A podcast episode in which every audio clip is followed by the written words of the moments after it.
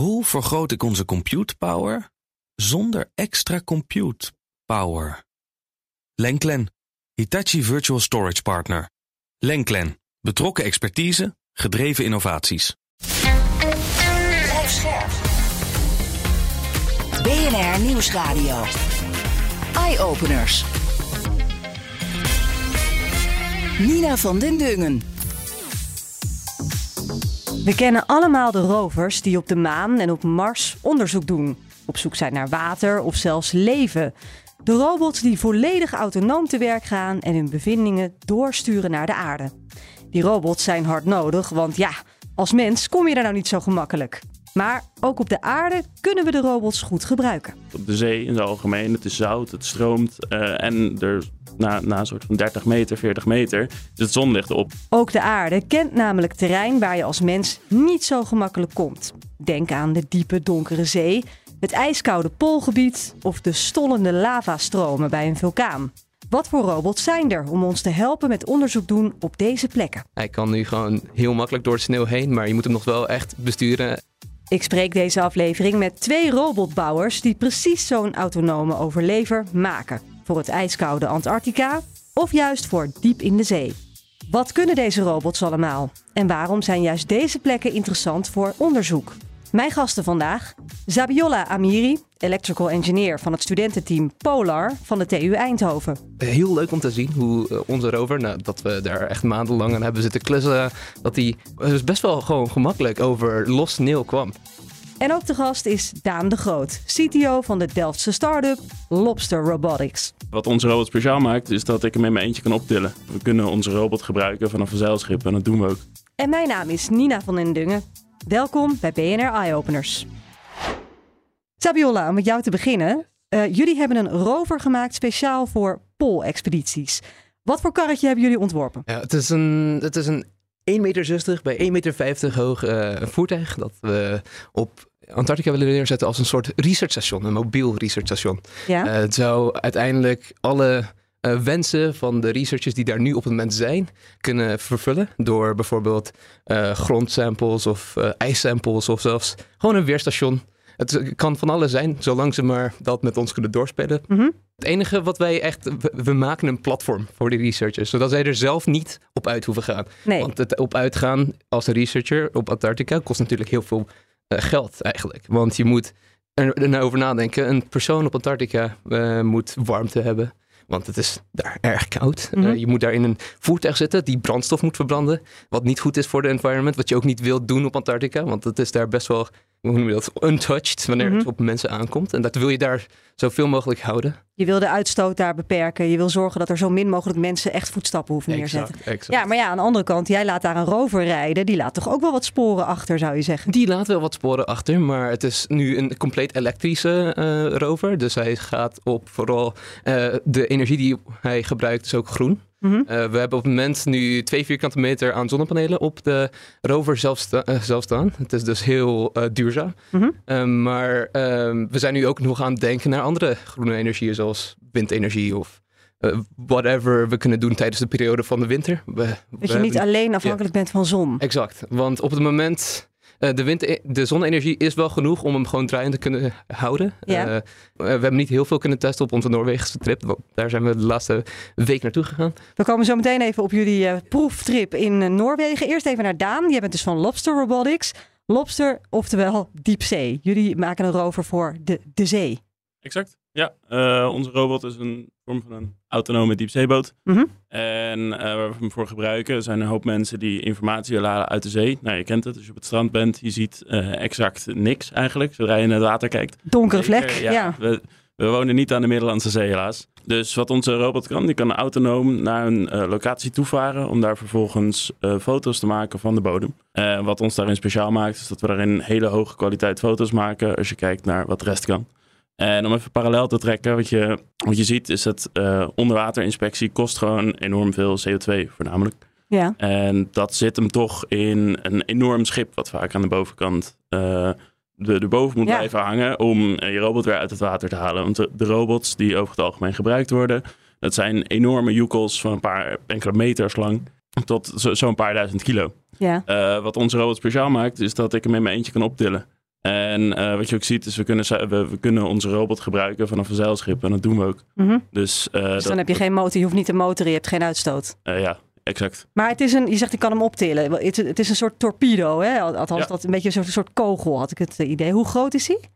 Is 1,50 tot 2 meter, afhankelijk van wat er exact op zit. Ja, en hoe zwaar dan? Uh, Zo'n 60 kilo. Oh ja, oké, jij tilt dat op. Ik, uh, ik weeg het nog niet eens. Maar goed, dat, dat terzijde. Um, jullie zwemmende robot, wa wat moet hij gaan onderzoeken en vooral ook hoe diep kan die? Um, hij kan op, op het moment tot zo'n 300 meter. Uh, we hebben het, het, doel om op de lange termijn tot echt wel uh, 4 kilometer tot nou, bijvoorbeeld de Marianentrog. Dat is 12 kilometer. Ja. Dat is waar onze dromen liggen natuurlijk, om daar ook beelden te verzamelen. Dat is de uiteindelijke droom, de Marianentrog. dat, is, dat is voor mij zeker mijn droom. Want het meeste wat daadwerkelijk onderzocht wordt, gebeurt in de bovenste 300 meter. Dus uh, nou, denk, denk, bijvoorbeeld aan uh, oesterrifherstel, waar we nu mee bezig zijn in de Voordelta voor Zeeland. Uh, dat moet onderzocht worden, want er is nog heel weinig over bekend. Mm -hmm. en daar kunnen we onze robot bijvoorbeeld gebruiken om um, elke maand een set foto's te maken om te zien hoe oesters groeien op kunstmatig gif. Mm -hmm. Hetzelfde kan je dus ook zeggen bijvoorbeeld hoe um, oesters of, of, of andere organismen groeien rondom windmolens. Dat is op het moment heel uh, heel interessant. Ja, van welke invloed hebben die windmolens nou als ze, als ze geplaatst worden? Wat doet dat met een ecosysteem? Ja. Dus dat is iets wat wij kunnen als geen ander op het moment. Ja, alleen dan dus, want je zegt er is ook concurrentie. Hè? Er, er zijn wel degelijk manieren om dat al te onderzoeken. En jullie bouwen eigenlijk de lichtgewicht variant, die dus autonoom kan varen. Kan je die dan ook gewoon even droppen in zee en hem bij wijze van spreken een jaar of langer laten doorvaren? Of, of moet je hem wel weer uh, eens in de zoveel tijd eruit halen? Uh, op, op het moment is het iets korter, is het eerder in de trant van vier uur. Vier uur? Uh, vier uur, ja. Uh, onder, dat is het nadeel. Dat, wat, wat maakt het nou allemaal zo lastig? Dat is toch de zee in het algemeen. Het is zout, het stroomt. en er, na, na een soort van 30 meter, 40 meter, is het zonlicht op. Dus je kan ook je niet kan hem niet zomaar, opladen. Je kan hem niet zomaar opladen. Ja. En... Um, nou, ja, met, met een soort van aan het oppervlak te liggen en er zonnepanelen opplakken, dat je stroom je ook weg. Dus nee, we, we, kijken nu wel echt van dat je hem vanaf een boot gooit. Mm -hmm. Hoe je wel ziet wat er, wat er mogelijk is, is dat je een, een soort kooi bouwt waar die in kan staan en daar kan opladen. En op die manier zou die jaren ergens kunnen staan. Maar dan moet je die kooi, drop je mee onder water. Exact. En hoe zou je dan, uh, hoe, hoe komt die kooi aan zijn energie? Nou ja, als je hem in een windmolenpark zet, dan is het vlakbij natuurlijk. Ja, ja, ja. Dus dan, is de, dan ben je dus wel heel plaatsgebonden met je rover. Dat is dan misschien het enige nadeel. Correct. Hij kan niet als een walvis duizend kilometer afleggen voordat Nee. hij een keer terug moet naar zijn hok. Nee, voorlopig, voorlopig is het ook echt de, de mens die natuurlijk iets specifiek wil onderzoeken en niet de robot die dat wil. We hebben nog niet, uh, de robot zelf is nog niet nieuwsgierig, laten we het zo zeggen. Nee, precies. Saviola, je zei net al, we- jullie zijn net terug uit Noorwegen. Daar Mhm. hebben jullie een testexpeditie gedaan met de rover in de sneeuw. Klopt. Hoe ging dat? Dat was boven expectations. Eh, het was echt een eh, heel leuk om te zien hoe eh, onze rover, nou, dat we daar echt maandenlang aan hebben zitten klussen, eh, zitten werken in de workshop, dat die dus best wel gewoon gemakkelijk over los sneeuw kwam. Want dat is zeg maar ook wat er op Antarctica aan de hand is. Er, je loopt daar niet, er zijn niet mensen die over het sneeuw lopen die het compressen. Of er is niks dat sneeuw comprest. Dus Mhm. alles is gewoon los. Ja, En eh, het, hij het moet zag, echt ploegen. Hij hij moet- moet echt ploegen. maar En- heeft hij dan rupsbanden of wat, wat heeft hij? hij heeft nu gewoon vier banden, maar het zijn hele studded. eh, hoe noem je dat? Het heeft hele uitsteeksels op de banden zelf. Mhm. Ehm, waardoor hij gewoon meer sneeuw kan plakken op eh, het moment dat hij echt vast zit. Dus echt een soort sneeuwketting. Exact, het is echt, eh, het is echt heel sick. En eh, die vier banden zijn ook heel groot qua profiel en zijn ook wat zachter. Dus ze, om, de, om over het sneeuw te gaan, kan, hoeft hij ook niet zeg maar, heel veel pressure te doen. Want Mhm. de zachtheid van die banden maakt het ervoor dat hij wat makkelijker op het sneeuw komt. Ja, Yes, ja, dus dat is een, een hele geslaagde proef. dat was echt... Uiteindelijk is het natuurlijk, je wil naar Antarctica. Zijn de omstandigheden daar dan heel anders dan bijvoorbeeld in, in Noorwegen? Eh, nou ja, het sneeuw was daar hetzelfde. Het wordt alleen een stuk kouder. Dus dat wordt wel echt een eh, probleempje. Het eh, wordt er ook een stuk droger. Maar dat is niet echt een probleem op zichzelf. Het, eh, probleem is meer dat als het ijs zeg maar, op de buitenkant van de, eh, van de rover komt... Mhm. en het begint te smelten vanwege de hitteverschil tussen de binnen- en de buitenkant van de vehicle... en dat het water naar binnen komt, dat dat een probleem kan opzorgen. Maar Mhm. daar hebben we best wel wat waterproofing voor gedaan al. Eh, maar daar, dat moet nog wel even naar gekeken worden. Want dat soort dingen zijn nog wel echt eh, nog in de testfase. Dat Ja. zijn nog wel echt dingen van puntjes van die moeten we nog even op de i zetten. Ja, want wanneer moet dat echt gaan gebeuren dat hij op Antarctica gaat rijden? Dat is een goede vraag. Ehm, we hebben in de laatste paar maanden hebben we gezien van ja, het, het, is, het is toch moeilijk om zo'n rover in elkaar te zetten zonder echt op site te kunnen testen. Want het is, Antarctica is best wel koud en er is overal sneeuw. En in een climate chamber bijvoorbeeld kan je het koud maken, maar dan heb je het sneeuwprobleem niet. Ja, ja. En je kan het niet de omstandigheden exact nabootsen. ja, dus het is heel veel testen heen en weer gaan. En dat is een probleempje waar wij nu uh, in Noord, zeg maar, achterkomen, langzaam. En uh, dat soort dingen, dat zorgt ervoor dat ons uh, het, het, wat langer duurt, maar dat maakt niet uit, want het is een, het is een research met ja. wat 28 mensen die parttime hier aan werken. Dat is wel echt een hele onderneming. En ik vind dat het gewoon. Dat snap ik. ja. Maar wat is je stip op de horizon? Wanneer hoop je dat hij daar rijdt? stip op de horizon. Nou, we hebben ooit gezegd 2024, maar ik vind dat wel een heel het is erg. 2023 ja, nu. Ik, ik, weet niet wanneer het gaat worden. Het, het, ik, ik zou er niet zomaar 1, 2, 3 een uh, datum op kunnen Nee, je durft ook niet voor 25 of 26 durf je niet voor te gaan. echt niet te doen. Daan, wanneer wordt jullie uh, rover echt verwacht dat hij echt los kan in, in zee? maart. Zo, nou, dat is zelf we, gaan in, we gaan in maart gewoon naar Ierland. Ierland is druk bezig met uh, offshore windfarms. En naar kijken waar kunnen we die bouwen. Ze gaan uh, ecologisch onderzoek daar doen. Mhm. Om uh, te kijken waar kan dat, waar zitten de beesten, hoe ziet de ecologie van de bodem eruit. Dus ja, we zijn nu druk in een pilotfase. Dus, ja, kun jij in een pilotfase al wel goed de omstandigheden nabootsen? nou, de, de, pilotfase zijn natuurlijk de exacte omstandigheden. Dat is in de Noordzee. ja, om daarop aan te sluiten bij testen. Testen is een enorm belangrijk onderdeel van je, van je ontwikkeling. En je denkt, je, je bouwt een robot, dat is wat je bouwt. Maar stiekem, nou, voor ons, we hebben ook een, een drukkamer tot 600 bar om de omstandigheden in de diepzee na te bootsen. Om te kijken of onze elektronica er tegen kan. Mm -hmm. uh, en dat, dat kan je ook niet kopen bij de Gamma. Dus dat moet je uiteindelijk ook zelf gaan bouwen. En daar goed over nadenken wat je, wat je moet testen en hoe je dat gaat nabootsen. En wat een, een equivalente omgeving is, dat is gewoon enorm lastig. En dat kan je alleen maar, zeg maar ik, ik, ga ervan uit dat wij erachter gaan komen dat we toch niet alles getest hebben. En daarom doe je pilots. Ja, precies. Uh, want je hebt ook niet maar één uh, uh, pilot. Je hebt, je, heb je maar één prototype of heb je er al meerdere? op het moment één prototype. Um, onze, onze robot is modulair, wat ons in staat stelt om heel makkelijk bijvoorbeeld het camerasysteem, waar we nu heel veel aan het ontwikkelen zijn, te vervangen door een andere. Dus het is een soort van continu, continu bouwpakket. En uh, de robot uh, van twee jaar geleden is al niet meer de robot van vandaag, maar nee. hij heet nog wel steeds hetzelfde. Dat is ook wel een fascinerend verhaal, hè? want jullie begonnen eigenlijk met een ruimterobot bouwen. Um, en uiteindelijk werd dat een, een zeerobot. Wat, wat is daar gebeurd? Wat is daar gebeurd? de originele founders van het huidige team die hebben inderdaad gewerkt aan Lunar Zebro.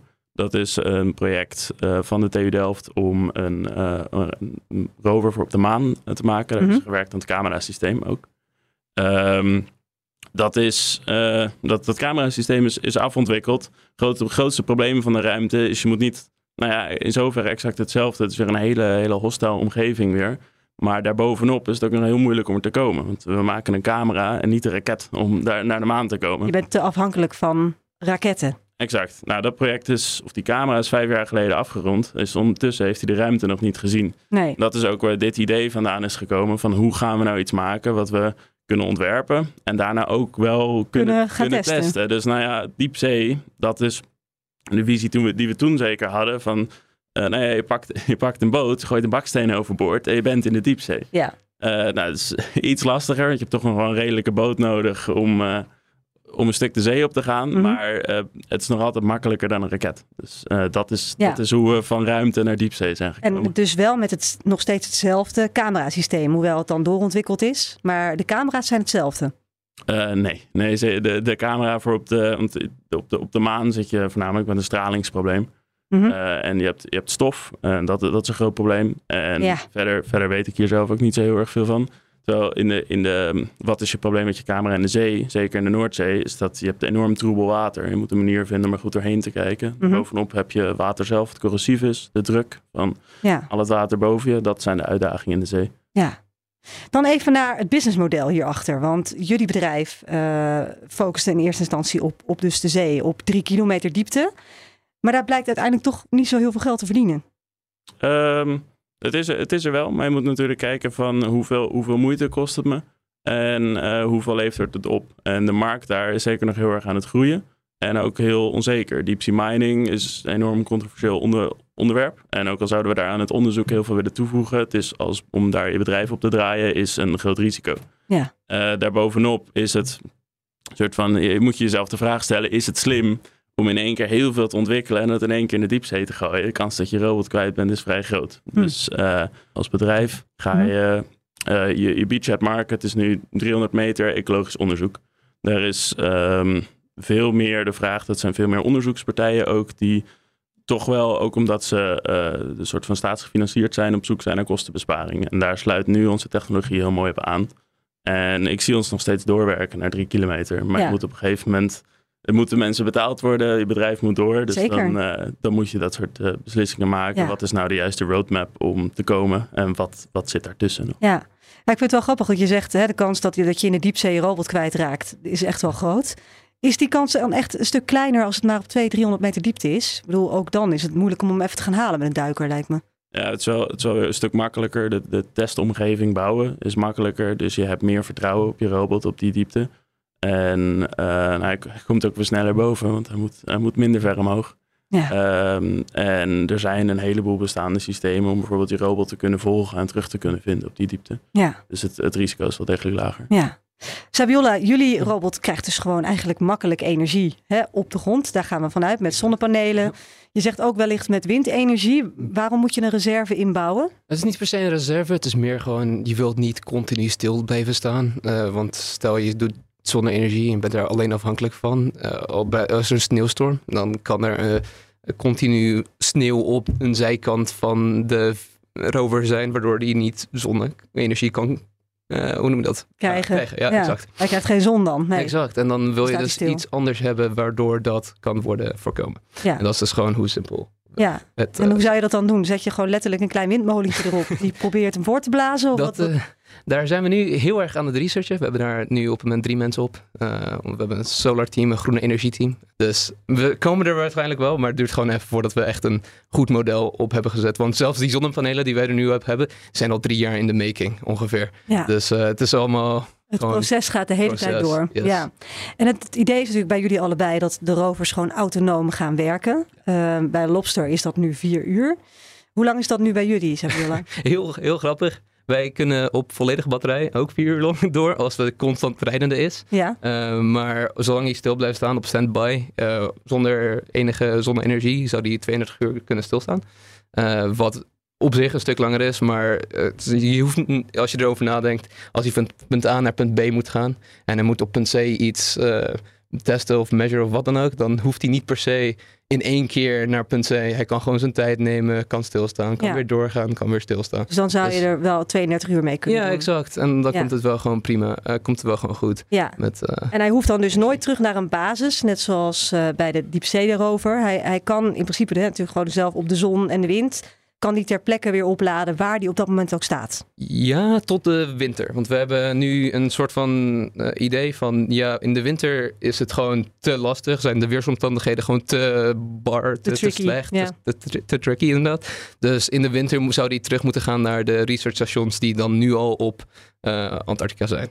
En dat zou ons idee zijn. Ja, en um, heb je een enig idee, een vermoeden van hoeveel kilometer die zou kunnen afleggen totdat je uiteindelijk weer terug moet voor de winter begint? Ik heb geen flauw idee. Dat, uh, dat is een uh, ideetje dat nog ver in de pipeline zit. Dus dat kom, komen we ja. nog wel een keer naartoe, maar daar hebben we nu echt nee. geen idee. En qua autonomie, Mm -hmm. Moet je hem op afstand besturen of doet hij dat helemaal zelf? Uh, hij zou het uiteindelijk helemaal zelf moeten doen. Op het moment is dat nog niet het geval. We hebben nu echt een soort van een, een, een RC-car met extra steps, zo, zo, zo te zeggen, simpel te zeggen. Hij kan nu gewoon heel makkelijk door het sneeuw heen, maar je moet hem nog wel echt besturen, echt nog dingen aangeven. Je hebt echt een controller. Ja, je hebt echt nog een controller. Je hebt en kan dat bijvoorbeeld vanuit Nederland of moet je dan daar ja. wel echt wel in, in de buurt zijn? Nee, nee, nee. Het is nog, het is nog niet echt zo lang range. Want daar hebben we nog niet echt een, een soort van base voor gehad. We hebben geen platform gehad om onze autonome software te kunnen testen. Mm -hmm. uh, dus nu eindelijk met onze eerste prototype, onze minimum value product, zoals we dat noemen, uh, kunnen we dat soort dingen nu eindelijk gaan uitvoeren. En dat is nu ook een heel erg uh, enthousiast. Ik, ik, ben er heel erg enthousiast over, want dan kunnen we nu eindelijk wat meer progress maken in een andere direction. Ja. En dat is dan de softwarekant. Ja. ja. Hoe zit het bij jullie, bij Lobster, de autonomie van, van, van de robot?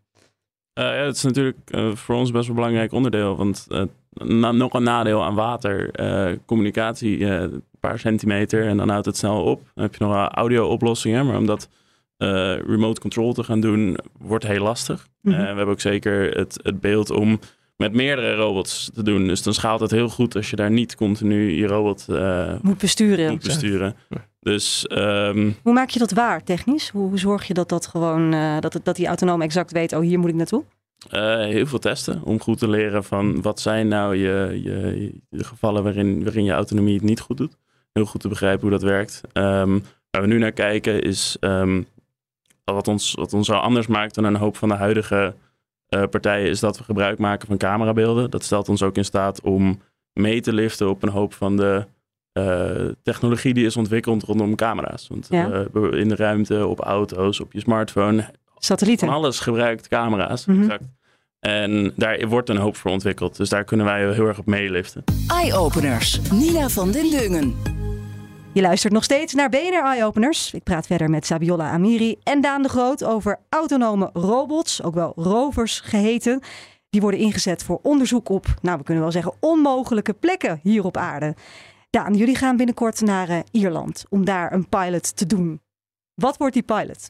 Uh, die pilot wordt kijken op uh, verschillende locaties in Ierland. Gaan we het ecosysteem in kaart brengen om uit te vogelen of het geschikte locaties zijn voor um, om windmolens te plaatsen. Want wat daar belangrijk is, is Ierland is een land wat veel van de visserij leeft ook.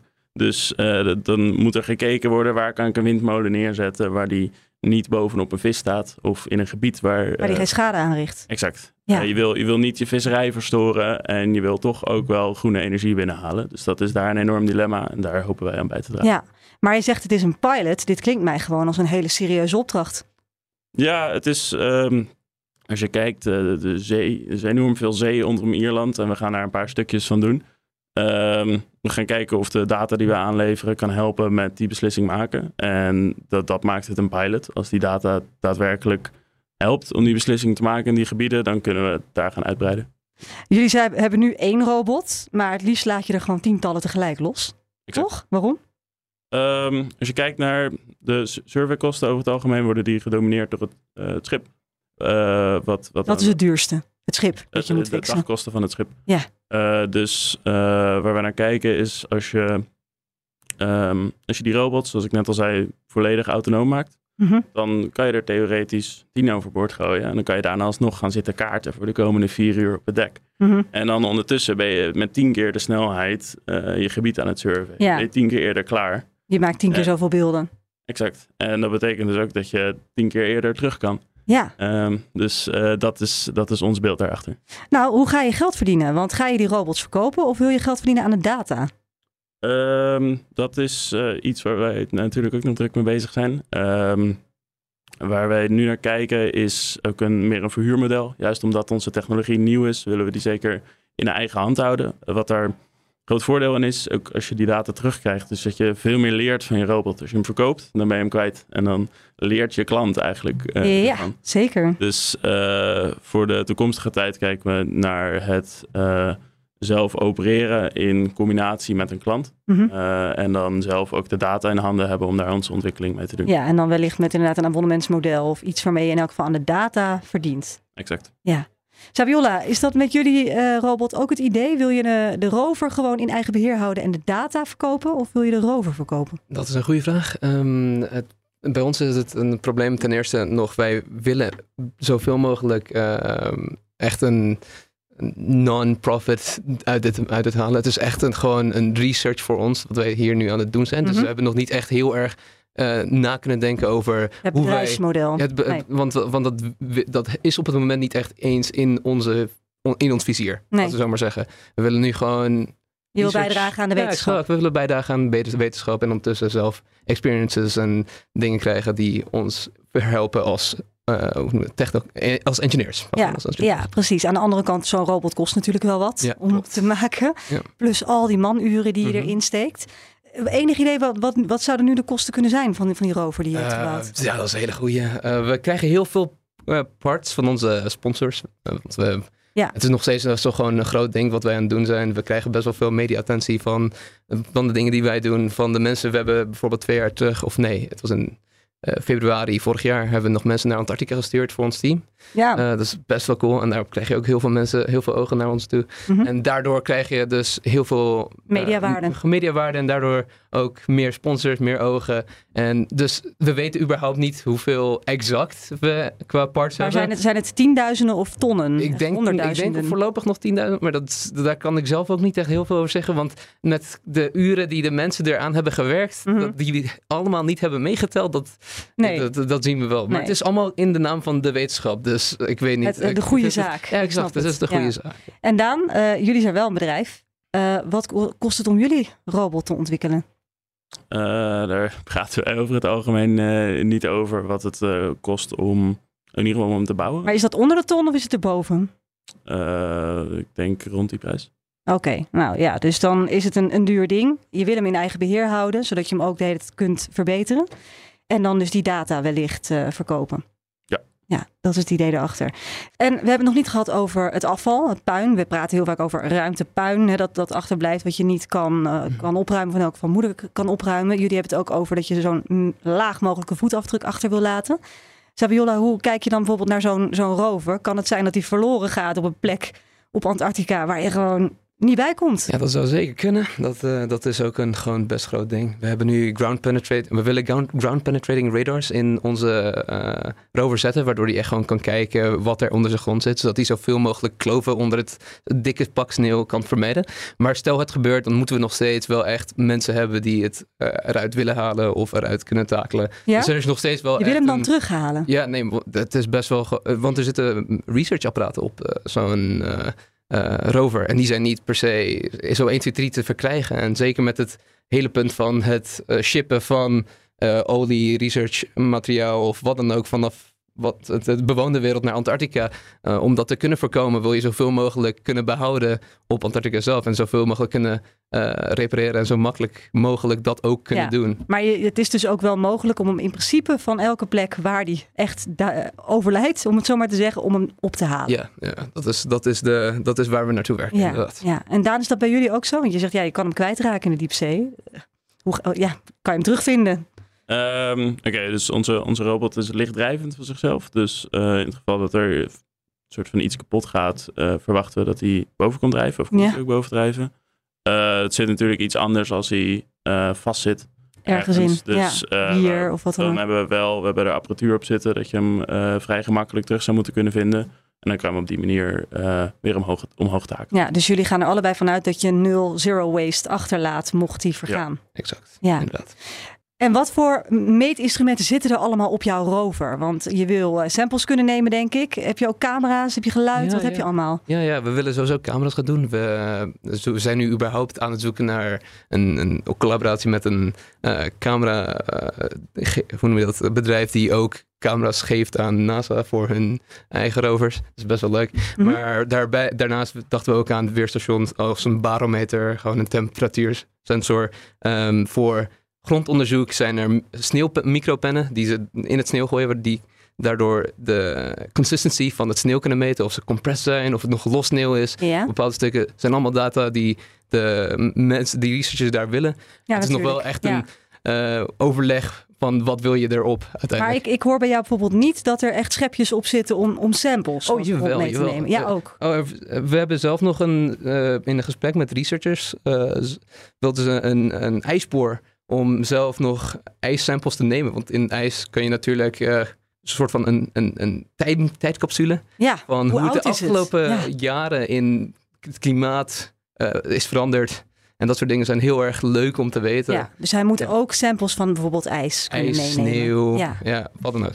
Daan, bij jullie is het denk ik ietsje anders. Want jullie uh, hebben het echt alleen volgens mij over beelden hè, die jullie maken. Of, of kan, kan hij nog andere dingen meten? Ja, onze, onze eigen ontwikkeling focust inderdaad primair op, uh, op camerabeelden. Omdat we dat ook zien als de technologie die nog onvoldoende is uitontwikkeld in de markt nu. Uh, voor, u meet daarnaast nog een hoop meer. Je kijkt natuurlijk naar, naar temperatuur, zoutgraad. Dat is ook voor navigatie en ook voor je beelden. Stiekem nog best wel belangrijk. Mm -hmm. uh, en daarnaast voor um, nou, windmolenpark waar we het eerder over hadden. Daar maakt de structuur van de grond natuurlijk best wel. Je kan ook je huis niet overal neerzetten. Of in ieder geval je fundering moet erop aangepast worden. Dus daar heb je uh, vergelijkbaar iets van ground penetrating sonar of sub-bottom profiling. Het is, ligt aan dat je gebruikt je audio om te kijken hoe, hoe je bodemstructuur in elkaar zit. Mm nou hebben wij natuurlijk het voordeel van een, een, een modulair platform dat we hebben gebouwd. Dus uh, we kunnen sensoren toevoegen aan de hand van de missies die we doen. Uh, dus, um, je kan het altijd, hè, op verzoek kun je dingen aanpassen. Hm. Exact, Alle, alles kan, maar uh, de, de basis draait echt om, de, om het camerasysteem. De Zuidpool en de zee zijn allebei hele belangrijke plekken waar je onderzoek wil doen. Uh, wij dachten zelf ook nog aan vulkanen. Zijn er nog andere gebieden te bedenken waar misschien wel jullie rover of een variant daarop dat die bruikbaar kan zijn? Wij, wij dachten zelf nog aan om misschien ooit te kunnen overstappen naar de meest. Uh, we gaan nu van koud naar helemaal warm. dus we dachten zelf, we gaan van de ene desert naar de andere desert. Antarctica zelf is ook gewoon een uh, woestijn in principe qua klimaat. Alleen dan koud. Dan, ja. Alleen dan koud, maar we dachten er misschien over aan. Het is gewoon, dit wilde gewoon even, uh, hoe noem je dat? Ik noem het spitballen, dat je er gewoon tussen twee mensen wat leuk zit te kletsen over hoe we dit verder uh, kunnen uitbreiden. Ja. En dat, out of the box denken. Ja, out of the box mhm. denken. En dat was uh, misschien een woestijn ook leuk uh, om daar verder naar te denken van het ene hele koude klimaat inderdaad, zoals je net zei, naar een hele warme. En dat is gewoon een leuke challenge voor een volgende rover. Ja. Daan, bij jullie? Um, ja, we, we, hebben nog steeds wel het, het het mooie, nou, plan wil ik het nog niet noemen, maar het, uh, Europa is een maan van Jupiter. Mm Dus uh, ijsmaan. En voor zover ingeschat zit daar een enorme zee onder. En uh, ik zou het persoonlijk prachtig vinden om uh, daar naartoe te gaan, toch weer terug de ruimte in, uh, terug waar we vandaan komen, om daar uh, die zee te verkennen. Want dat is een van de plekken waar mogelijk leven zit. Het is een grote zee, Je mm -hmm. weet, we weten er niks van eigenlijk. Nee. Dus dat, dat, zou, ik zelf, dat zou ik zelf heel mooi vinden, maar dat is toch even... dat is toch heel ver weg, letterlijk. Dat is even weg, ja. ja. Heel veel dank voor jullie komst allebei, Sabiola Amiri en Daan de Groot. Dit was Eye Openers voor deze week. Volgende week dan duiken we de wereld in van de warmtebatterijen. Daarmee kun je overtollige energie opslaan en op een moment dat je het nodig hebt gebruiken. Heel handig, natuurlijk niet alleen voor huishoudens, maar ook voor de grote industrie. Wij gaan verschillende batterijen bekijken, bijvoorbeeld een zoutbatterij, maar ook een waterbatterij. Dat allemaal volgende week in Eye Openers. Mijn naam is Nina van den Dungen en heel graag tot dan. Hoe vergroot ik onze compute power zonder extra compute power? Lenklen, Hitachi Virtual Storage Partner. Lenklen, betrokken expertise, gedreven innovaties.